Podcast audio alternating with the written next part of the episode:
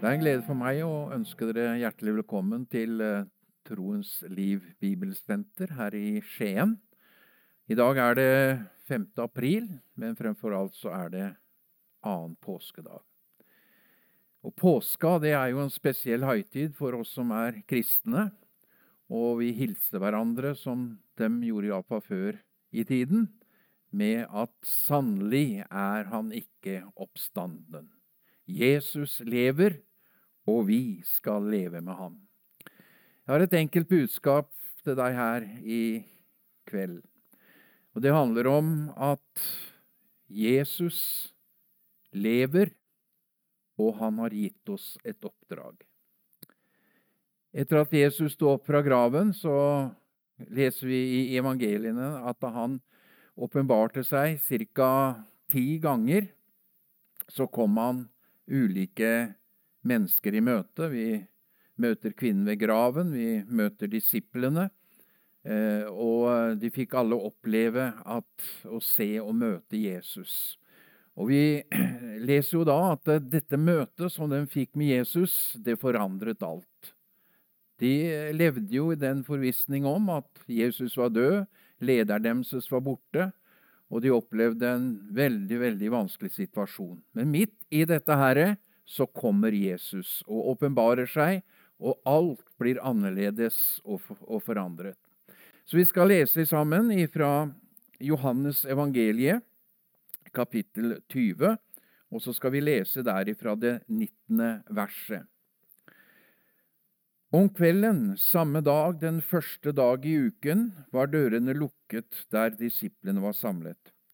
Det var fordi de fryktet for jødene. Da kom Jesus og sto midt iblant dem og sa, Fred være med dere. Da han hadde sagt dette, viste han dem sine hender og sin side. Disiplene ble glade da de så Herren. Igjen sa Jesus til dem, Fred være med dere. Som Far har utsendt meg, sender også jeg dere. Da han hadde sagt dette, pustet han på dem og sa, Ta imot Den hellige ånd. Hvis dere tilgir noen deres synder, er de tilgitt. Hvis dere fastholder dem, fastholder syndene for noen, da er de fastholdt. Om kvelden samme dag, altså den første dagen, eh, da de møtte Jesus og den oppstandende, så leser vi jo først om kvinnen, Maria Magdalena, som kom til graven. Og eh, Hun opplevde jo da at eh, Jesus ikke var der. Graven var tom leser vi om. Og seinere så får hun møte Jesus og møter den oppstandende. Og hun, hun løper jo da til disiplene og forteller det som har hendt.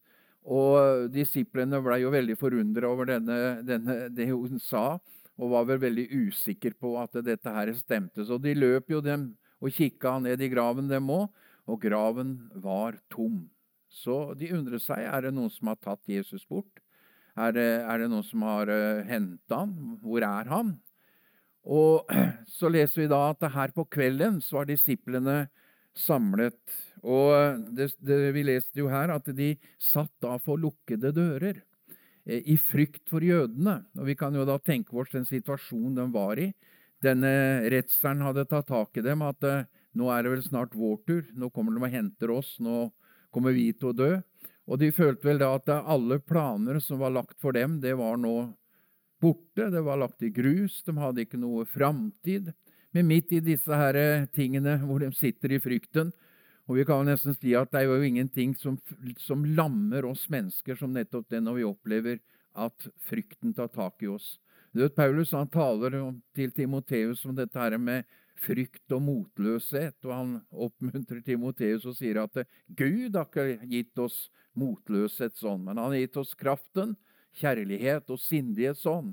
Motløshet sånn, det er, det er også frykten sånn. Og vi kan vel si trygt da at disse herre satt, satt, virkelig og kjente og følte på trykket, trykket og frykten og mørket som var inni dette rommet. Men mens de sitter der, og jeg er overbevist om at også de snakka sammen om det som hadde skjedd. Og de snakka sammen hva skal skje med oss nå? Midt i dette her, plutselig så står Jesus iblant dem. han som er oppstanden, han som lever. Han står midt iblant dem, og så sier han, Fred være med dere. Og vi kan jo forstå at den atmosfæren av frykt og motløshet og oppgitthet, det bare forsvant ut av det rommet, for der sto Jesus. Jesus den oppstandende, han banka ikke på døra, han venta ikke på at noen skulle åpne, men han gikk igjennom veggen, fordi Jesus han hadde oppstått i et nytt herlighetslegeme, og det legemet kan bevege seg hvor som helst og når som helst. Derfor så sier jo Jesus det også til oss at uh, om vi er to og tre samlet, så er jeg midt iblant dere. For det er det vi leste her. Han sto midt iblant dem. Der sto Jesus. Jesus, lys levende. Han er oppstanden. Og det første Jesus sier til dem, det er fred være med dere. Og er det noe de trengte akkurat da, så var det nettopp å høre Jesu ord om fred være med dere. Det er jo bare én som virkelig kan gi fred, og det er jo Jesus. Og frykt forsvant ut. Motløshet forsvant. Oppgittheten forsvant. Og de kjente Jesus' fred kom inn i hjertene deres. For Jesus sier at 'min fred gir jeg dere', ikke den fred som verden gir, men jeg gir dere min fred.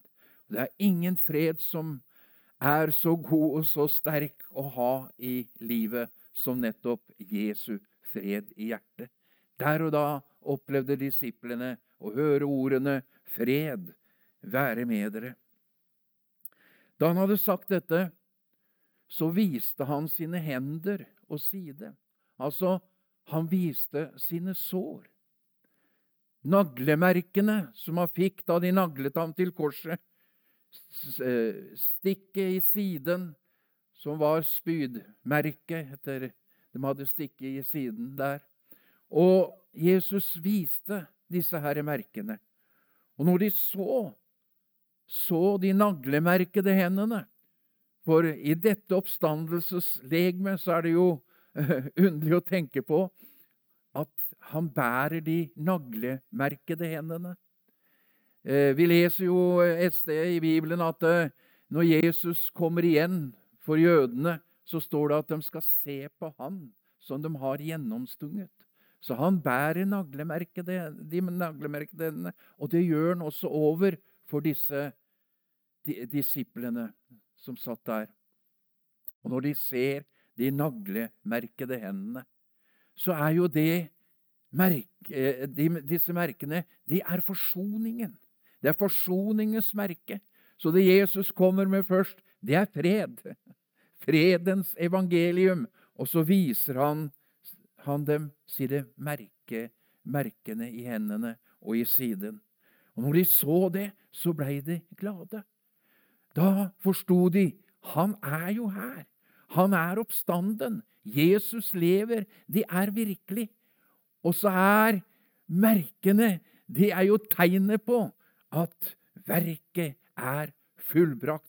Forsoningen er fullbrakt. Når jeg tenker på dette med Jesu merkede hender, så står det jo faktisk om det i Esaias eh, kapittel 49 eh, og 14, 16. Jeg vil bare lese det, for jeg har lyst til å si det til deg i dag, at uh, du er ikke glemt av Herren. Disiplene trodde kanskje at nå var det forbi. Nå er vi glemt. Nå er alle planer som var for oss, de er borte, de er ute. Men de var ikke glemt av Herren. Og nettopp de naglemerkede hendene, nettopp forsoningen, det er virkelig tegnet på at Herren har ikke glemt deg. La oss lese fra Esaias. Men Sion sa, Herren har forlatt meg. Min Herre har glemt meg. Kan vel kvinne glemme sitt diende barn, så hun ikke har medynk med det, så hun ikke har medynk med barnet ved sitt bryst?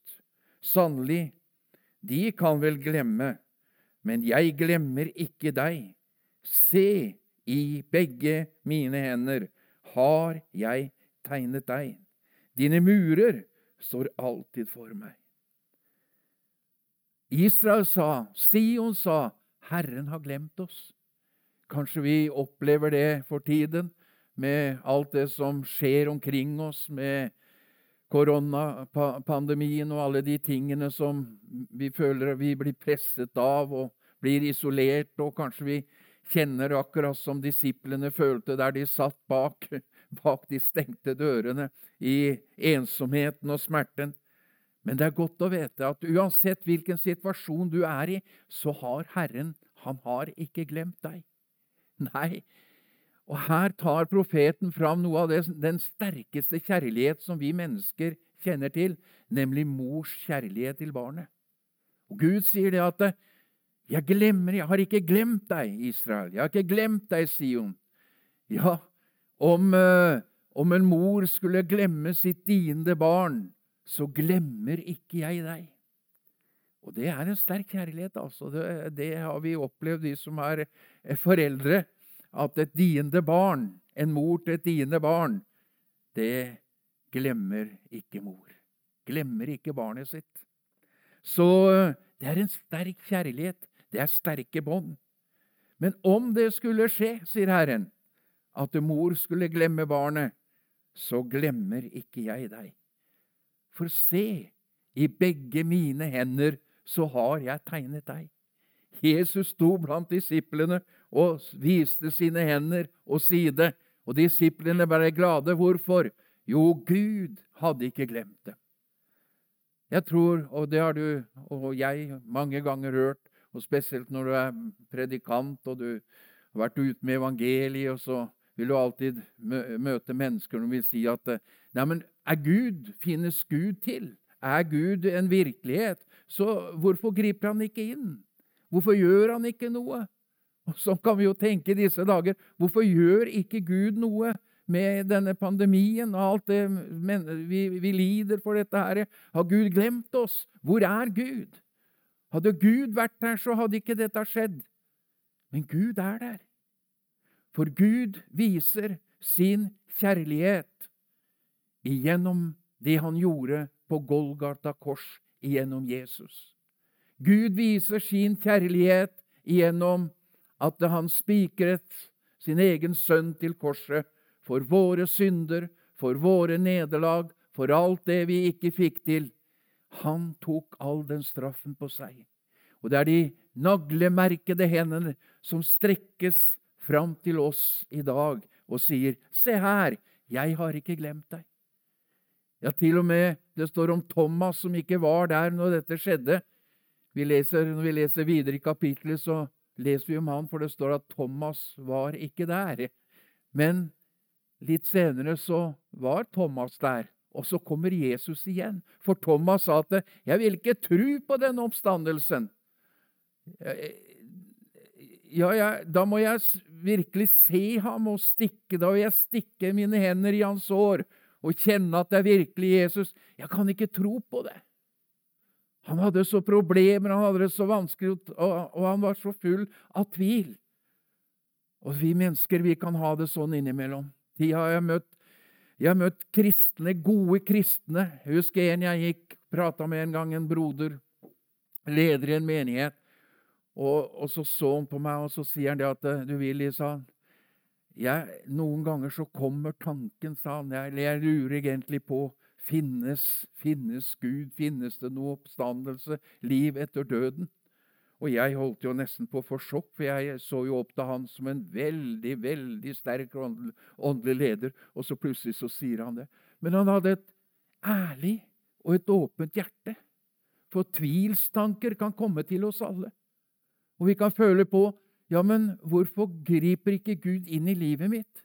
Hvorfor tillater Gud det og det og det? Kanskje du har opplevd ting som har gjort vondt, både i ditt eget liv og, og, og rundt deg, av venner og familie osv. Hvor er du, Gud? Og så vi, kjenner vi på tvilen. Men midt der i tvilen så kommer også Jesus til den som tviler, til Thomas. Og Jesus sier, 'Thomas, her er jeg.' Kom med, hendene dine og kjenn her i, på merkene. Og Thomas rekker fram hendene og kjenner på Å, det er Jesus. Og han blir også glad, og han blir også salig. Men så sier Jesus noe til Thomas som vi kan ta med oss her i dag. For han sier det at salig er dem som ikke ser, men allikevel tror. Og vi har vel ikke, ja, iallfall ikke jeg, kanskje ikke du heller, virkelig sett Jesus som Thomas gjorde, virkelig kjent på merkene som Thomas gjorde. Men allikevel så tror vi. Og det er ikke spørsmål om liten tro eller stor tro, men det er spørsmål om du har tro. For om du har tro som et sennepskorn, sa Jesus, så er det kraft nok til å løfte fjell. Så den lille troen du har, den er større og sterkere enn all tvil. For den troen du har, den lille troen du har, den er så sterk, for han er sterk, han du tror på. De så hans naglemerkede hender, de så forsoningen, og de kjente gleden strømmet på. Frykt og vantro blei byttet ut med fred og glede. Og når Jesus hadde sagt disse ordene og vist dem naglemerkede hendene, så sier han på samme måten som Faderen sendte meg, så sender jeg dere. Ja, det var nemlig sånn at etter at Jesus kom og åpenbarte seg og viste seg som den oppstandende, så var det også noe som lå på Jesu hjerte. Det var dette budskapet skal dere gå ut med. På samme måten som jeg kom fra himmelen, sendt av Gud, inn i denne verden som var full av elendighet. Jeg gikk omkring, og jeg forkynte det gode budskapet om Guds rike. Jeg helbredet de syke, satt mennesker fri, og jeg mettet de sultne. På samme måten så sender jeg dere. Nå er det deres tur. Og nå, det, nå, nå, skulle det ikke være lenger sånn at det var bare han som skulle gå rundt som en person, men nå skulle Guds menighet, Guds kirke, reise seg som Kristi legeme, ikke bare på ett sted, men over den hele jord. Over hele verden. Derfor så hadde Jesus et budskap når han sa nå sender jeg dere. For uh, i evangeliene, Matteus 28, så møter vi misjonsbefalingen, hvor Jesus sier at 'meg er gitt all makt i himmel og på jord'. Gå derfor ut og gjør alle folkeslag til mine disipler. I dere døper dem i Faderens, Sønnen og Den hellige ånds navn. Jo, Jesus har all makt i himmel og på jord. Og Derfor så sier han, 'Nå er det deres tur'. Og så så han rundt seg, og så så han disiplene. De følte seg nok som skrøpelige kar. Peter hadde jo fornektet ham. Thomas hadde jo tvilt på ham. Noen hadde jo også forrådt ham. Alle hadde vendt ham ryggen. Men når han ser denne herre flokken han hadde rundt seg, så så han det potensialet som lå der. Han så for når jeg får møtt dem igjen, reiser denne flokken opp, så kommer de til å ryste hele denne verden. Og så står det at Jesus, han åndet på dem.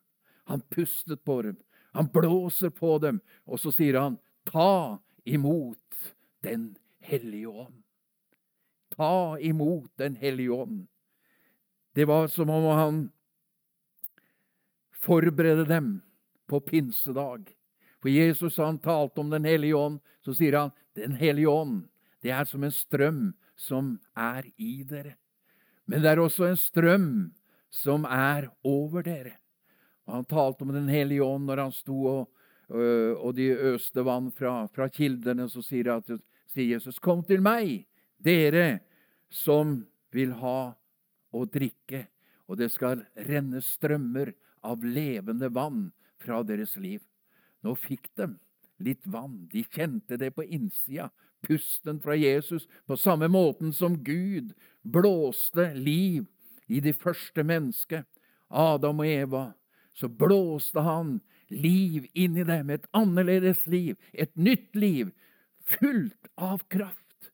Paulus han sier i Efesbrevet 2 at det er den samme, at de måtte, de måtte få øynene opp, for det var den samme kraft som reiste han opp fra de døde, som bor i dere.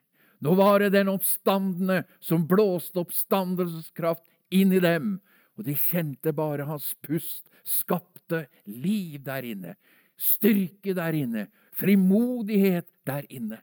Og så kjenner vi til historien. De fikk her en forsmak på det som skulle skje på pinsedag, for Jesus sa at eh, Johannes, han døpte med vann, men eh, ikke mange dager heretter så skal dere døpes i Den hellige ånd og ild. Det er litt forskjell på det å, eh, kjenne vasse litt i vannet. Og det er noe helt annet når du dukker helt under. For det er ikke bare at du får en forsmak på det, men da får du alt sammen. Og når pinsefestens dag kom, så var det nettopp den samme ånd som Jesus hadde blåst inn i dem, og hvor de kjente at dette her eh, på pinsedag, det var da virkelig Jesu legeme skulle reise seg på jord. Det var da menigheten skulle bli, bli født. Det var da kirken skulle bli født. For når Jesus døpte de første kristne i Den hellige ånd, så står det om de 120 som var samlet på den øvre salen, så står det at når Ånden kom som et mektig vær ifra himmelen, så blir alle fylt med Den hellige ånd. For Jesus hadde sagt, dere må bli i byen, dere må vente til dere får kraften ifra det høye. Men i det øyeblikket så kom kraften ifra det høye, og alle som var der, ble fylt med Den hellige ånd, og det viste seg som tunger av ild over dem.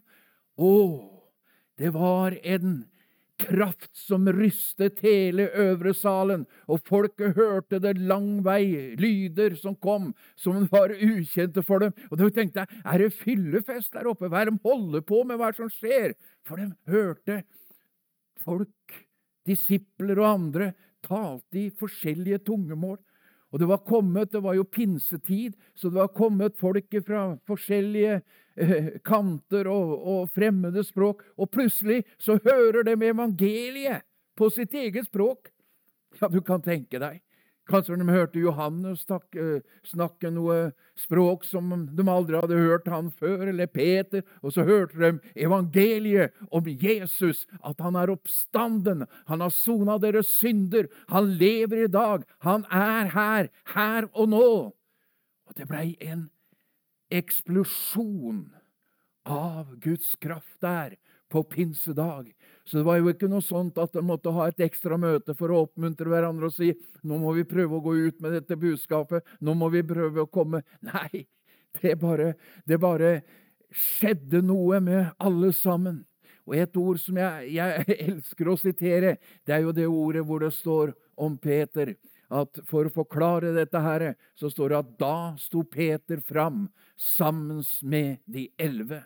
Og det er noe som forandrer oss mennesker.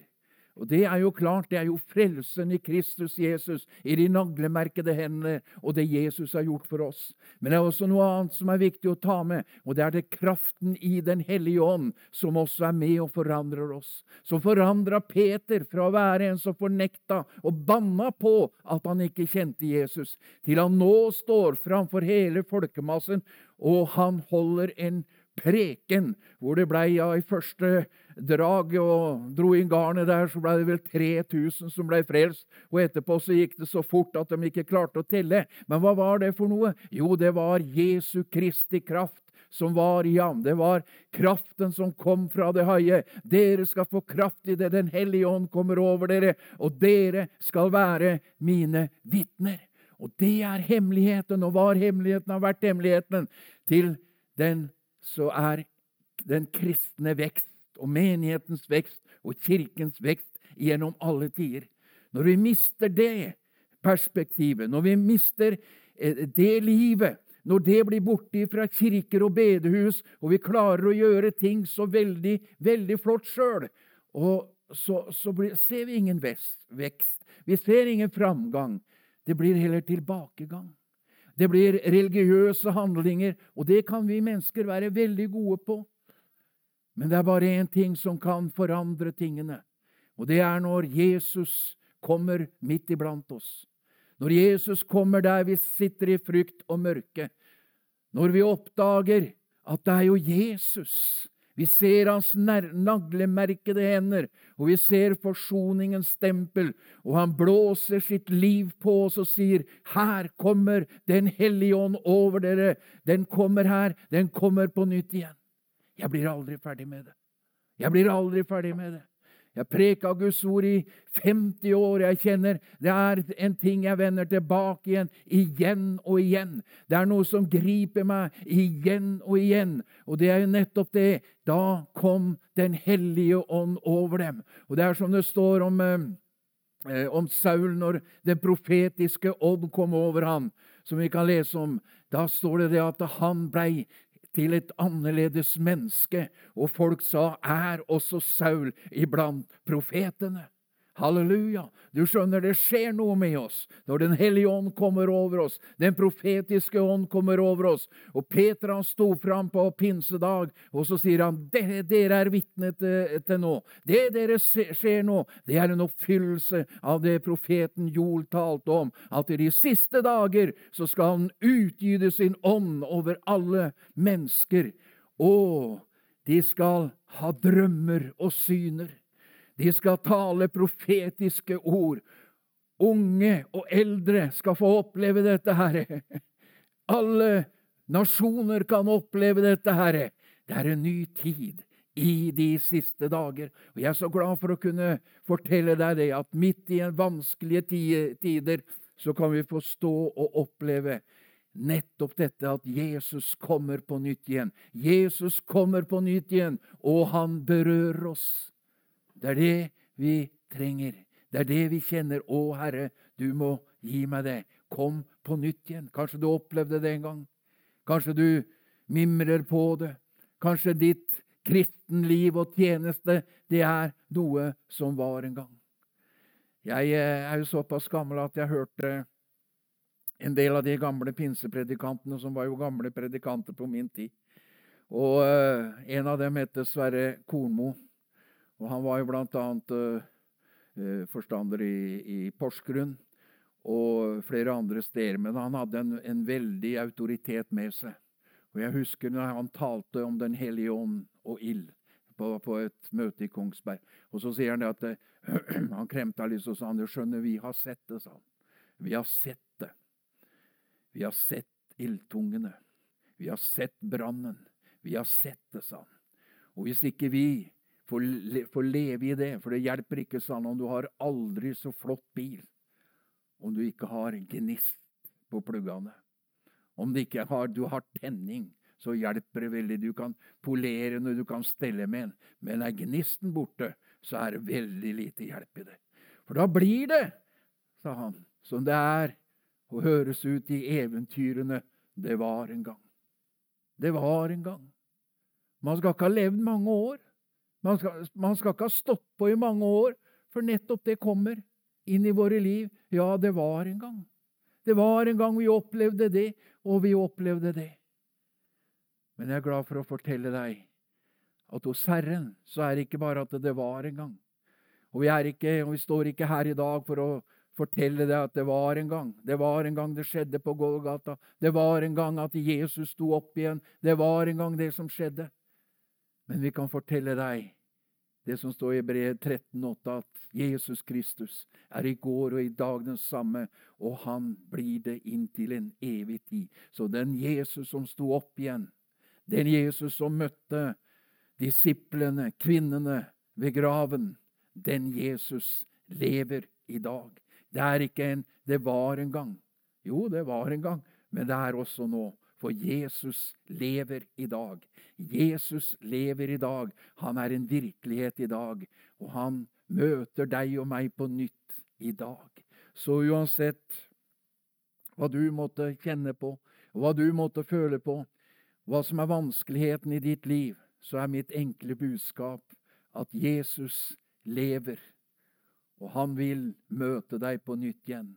Han vil sende deg ut igjen på nytt igjen. Han vil tenne gnisten på nytt igjen. Kanskje du er blankpolert og du er så flott og fin, men det er noe som mangler i livet ditt, og det er denne oppstandelsesgnisten. Troen på at Jesus lever. Han er kraften, og han formår å gjøre det som du ikke klarer, og jeg ikke klarer, og vi ikke får til. Det har Jesus makt til å gjøre, og kraft til å gjøre, for han, han, er på tronen. Han er oppreist fra graven, og han har satt seg på tronen ved Faderens høyre hånd. Og der sitter han også i dag. Der sitter han med kraften og makten i dag til å møte oss på nytt igjen. Ja, dette var et enkelt budskap, men jeg elsker å preke dette budskapet. Det preker jeg omtrent hver påske, for jeg syns det er så fantastisk at Jesus kom, sto midt iblant dem og sier 'fred være med dere'. Og så viser han forsoningen. Og så kommer han med Den hellige ånd. Og så har vi denne utsendingen. Det er der vi skal være. Midt i en vanskelig tid. Og kjære venner som har sett og lyttet på, på her i, i, i, ettermiddag, så jeg har lyst til å si til deg at uh, nå kan du få kjenne akkurat det som disiplene kjente. At det blei forandring fordi Jesus kom. Jesus kom inn til dem. Jesus møter dem. Jesus gjør et mirakel for dem. Den som er svak, kan si 'Jeg er sterk'. Den som er, har, har sykdom og plager, kan si 'Herren, takk for at du møter meg'. Takk for at du leger meg. Akkurat nå så vil Herren røre ved din familie. Å, han bærer omsorg for din familie. Du og ditt hus skal bli frelst. Du og ditt hus skal bli frelst.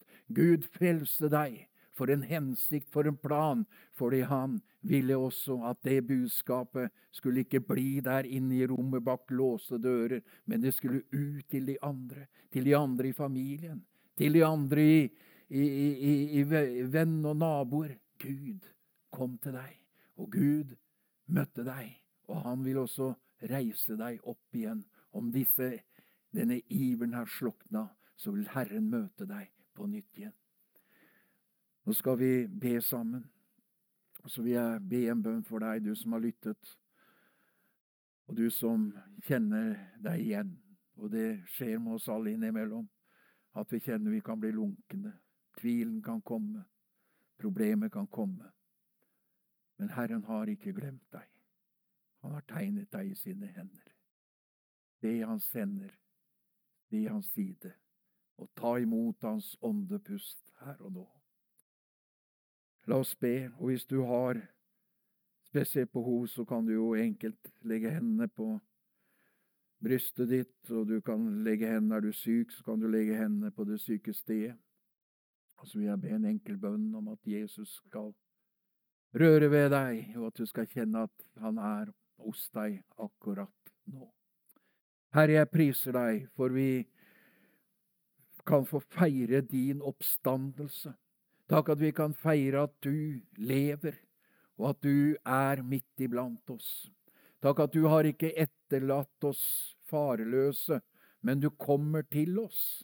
Herre, jeg takker deg for ord vi har fått delt her i dag, og jeg ber for alle dem som lytter til dette budskapet, som uh, kjenner på at det er ikke som det burde være, kjenner på vanskeligheter både i liv og ellers, Herre. Takk at du møter dem der de er. Du uh, legger dine naglemerkede hender på dem. La din kraft gå igjennom ånd, sjel og kropp, Herre. La dem kjenne det kommer legedom, strøm ifra deg, og du gjør under, og du gjør mirakler, Herre, midt iblant dem, Jesus. Jeg velsigner dem, Herre. Jeg velsigner dem som du velsignet oss og dine, Herre. Så velsigner også jeg dem. Jeg velsigner dem med fred og legedom, Herre. Takk for at vi får være sammen med deg, Jesus. Takk at vi kan legge våre liv og alt i dine hender, våre menigheter og alle dem som tjener deg. Vi ber om framgang og vekkelse, og vi ber om en ny vår av pinse over landet vårt, Herre. Takk at vi kan legge oss i dine hender, Jesus, og vi ber at du skal gå med oss i Jesu navn.